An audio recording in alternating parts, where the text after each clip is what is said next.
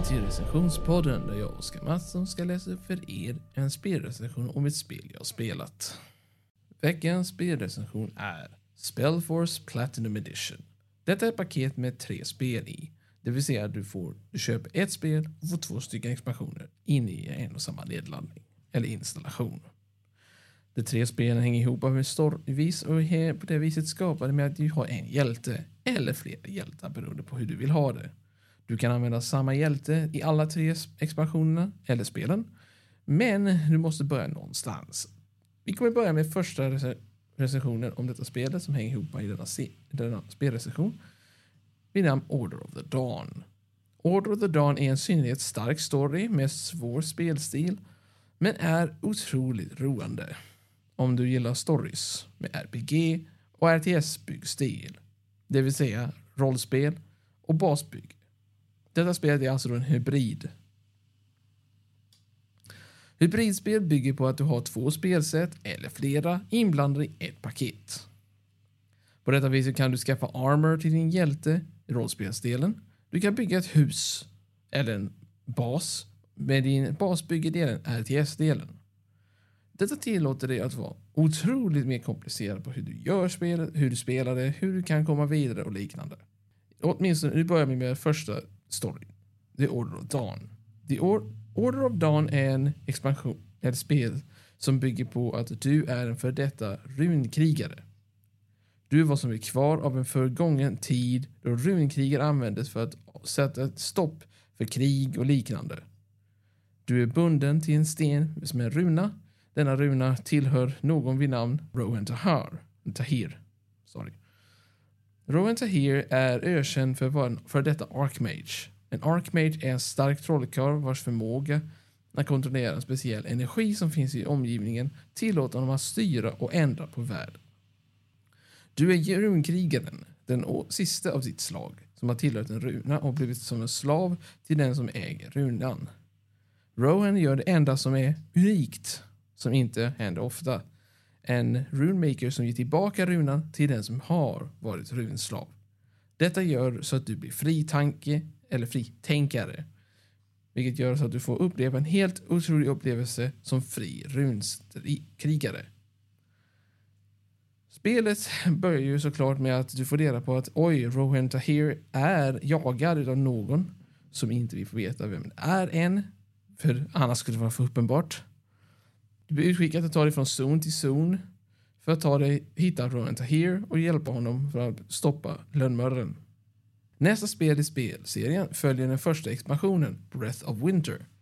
Breath of Winter är lite annorlunda eftersom att innan var det gröna fält, lite nedbrända skogar, sådana grejer.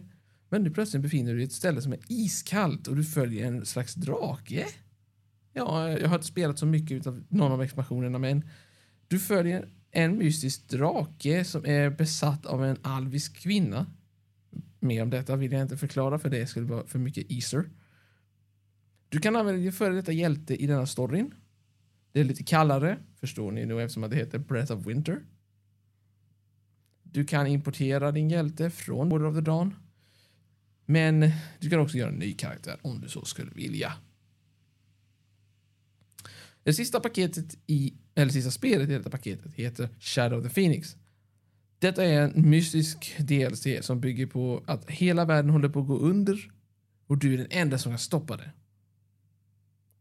Återigen så får du samma val med att du kan använda hjälten från föregångna spelet eller förföregångna spelet. Men du kan också göra en ny hjälte som sagt, vilket gör det otroligt imponerande. Detta betyder att alla tre spelen hänger ihop, men samtidigt är separerade. Alltihopa i dessa är motiverande och imponerande spel. Det bygger på RPG-systemet och gör så att man kommer kunna göra många olika grejer och massiva förändringar med vad man gör. Tyvärr så släpper ju detta spel bara en sak, vilket är jobbigt. Mer frågor än svar. Eftersom att det är första spelet i den serien så var det otroligt svårt för mig att komma in i spelet i början. Men jag försökte spela om Order of the Dawn flera gånger och fick en känsla av att ja, det är lite som är förklarat i storyn. Du kan styra de sex raserna, de tre av ljus och de tre av mörker, när du spelar. Vilket tillåter dig att vara antingen människa, alv eller dvärg, svartalv, troll eller orks. Dessa är alltså de tre, sex raserna du kan välja att spela med när du spelar RTS-delen. RPG-stilen är att du kan spela som en Rune Warrior och dina Rune Champions. Dina Rune Champions är bara minimala hjältekaraktärer som du styr. Medan din Rune Warrior, alltså din karaktär, bygger helt och hållet på att du är hjälten. Du ska ha det bästa gearet. Du ska bygga din karaktär på det viset du vill.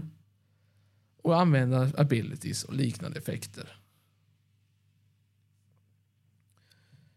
Vad som än händer i världen är din uppgift. Du kan antingen rädda den eller förstöra den. Men det mest rekommenderar att du ska rädda den för det är huvudstoryn. Detta spel hamnar för mig, eftersom att jag spelade bara lite av det. Spelet är tufft. Men för mig så hamnar det på 6,5 av 10 i betyg. Av personliga skäl. Men ni kanske tycker annorlunda. Ni kanske tycker ännu högre eller lägre. Det beror helt på vad ni tycker. För vad strategispel som tillåter dig att faktiskt tillverka eller utveckla din hjälte är detta spelet otroligt bra. För bara, det här är det imponerande i alla fall jag kan säga. För bara en ynka 100 spänn får du tre spel med ungefär 40 45 timmar med spel. Varav det är 20 timmar bara basspelet, 10 timmar på expansionerna vardera. Och sen antagligen om du kommer att spela om dem om igen men göra olika, olika karaktärer. Jag hoppas att ni njöt av denna recension. Och jag hoppas att ni fortsätter lyssna på nästa veckas recension. Tack för mig. Hej då.